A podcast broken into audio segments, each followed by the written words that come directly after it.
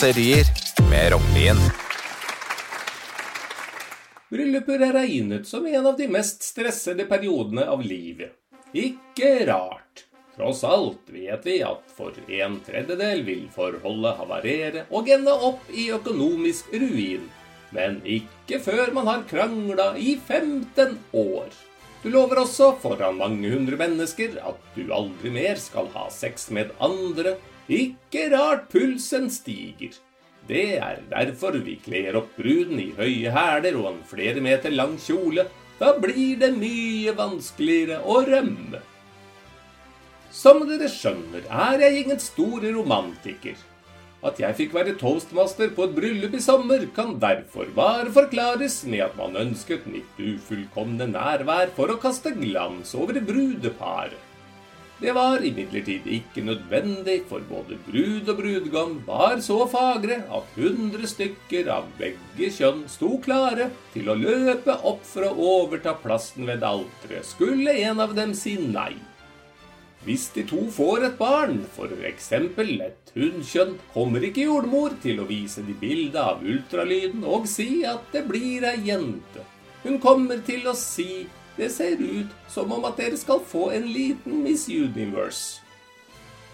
Mange brudgommer gjør den feilen at han velger en barndomsvenn til forlover. Det hadde jeg aldri gjort. De vet altfor mye. Jeg hadde funnet en jeg ble kjent med uka før. Slik unngår man at flaue overtramp fra fortiden børstes støv av. Det er jo tross alt av barn, fulle folk og forlovere du får høre sannheten. At forloverne holder tale langt ut i middagen, er ikke smart. Det hadde vært mye bedre om de hadde fått ordet før vielsen, mens bruden var klinkende edru. Det kunne ha gitt henne litt å tenke på før ekteskapsløftet skulle avlegges.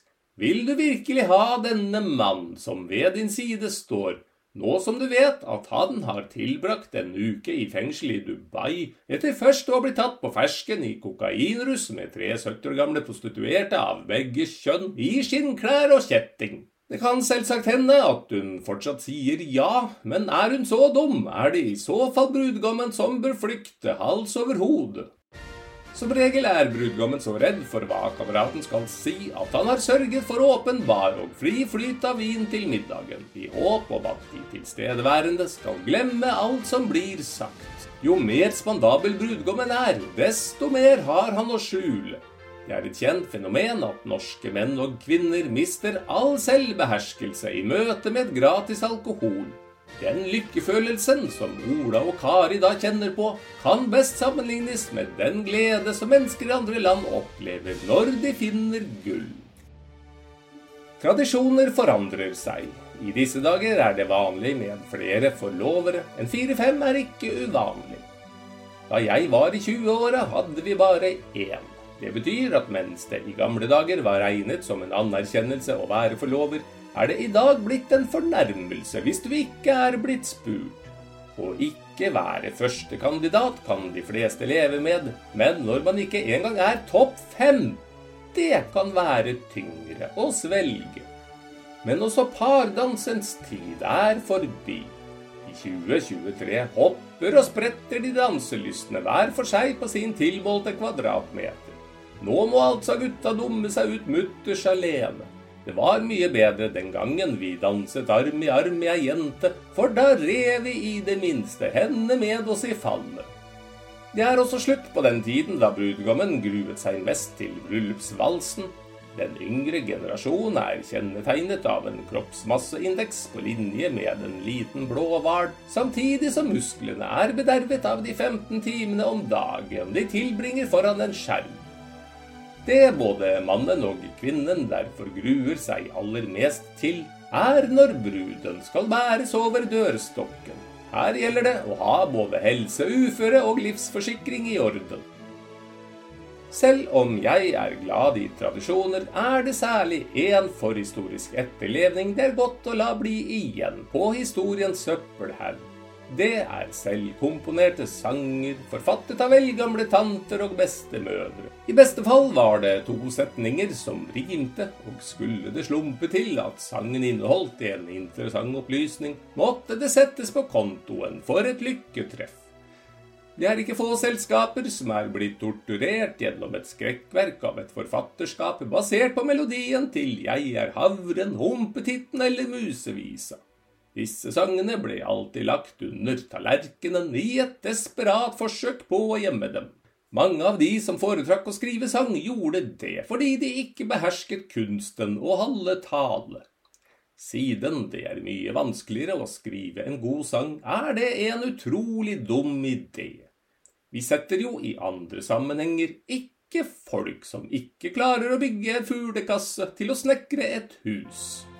Men når det er sagt, vi lar jo alle mulige rariteter som gjennom livet har demonstrert null evne til å utvikle vellykkede sosiale relasjoner, både få lov til å gifte og formere seg. Dessverre er det ikke like lett å gjemme disse under tallerkenen.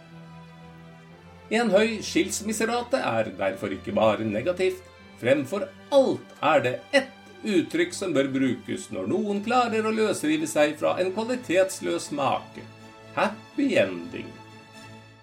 Da maleren Nikolai Astrup foreviget likdansen i Jølster, som han opplevde som ung gutt rundt år 1890, må han ha bivånet en av de siste gøyale likvakene her til lands og bevitne den ukeslange fyllefesten i samme rom som den døde, der lukta fra liket og ølbrygget blandet seg i hverandre, gjorde et varig inntrykk på Astrup.